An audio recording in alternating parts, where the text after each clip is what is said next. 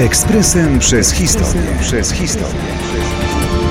28 maja 1975 roku Sejm PRL uchwalił ustawę o dwustopniowym podziale administracyjnym. Było to przedsięwzięcie, które już istniejący w PRL bałagan administracyjny jeszcze powiększyło. Było także wielkim wyzwaniem dla samego aparatu administracji. Stolicami nowych województw zostawały często miasta dotąd prowincjonalne. Jak pamiętamy, kraj został wówczas podzielony na aż 49 województw. Przy okazji zlikwidowano pośredni szczebel administracyjny, czyli powiaty. Teraz miały istnieć jedynie miasta i gminy. Czasem na siłę sklejano administracyjnie kilka miejscowości, by dać złudzenie miejskiej aglomeracji.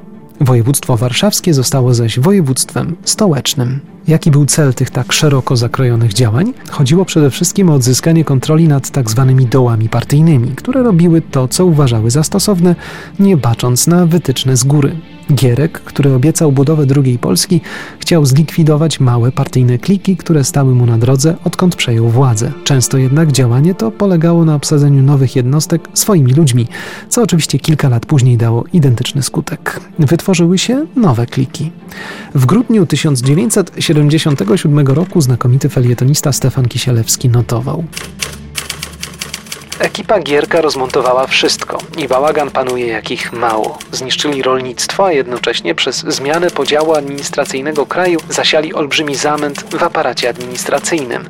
W rezultacie aparat ten wymknął im się z ręki, a tylko z jego pomocą można by realizować coraz to nowsze zarządzenia, którymi oni próbują się ratować, z dziwną ślepotą ignorując wszelkie reformy oraz posunięcia natury polityczno-psychologicznej, bez których społeczeństwo nie odzyska wiary w to, co się robi.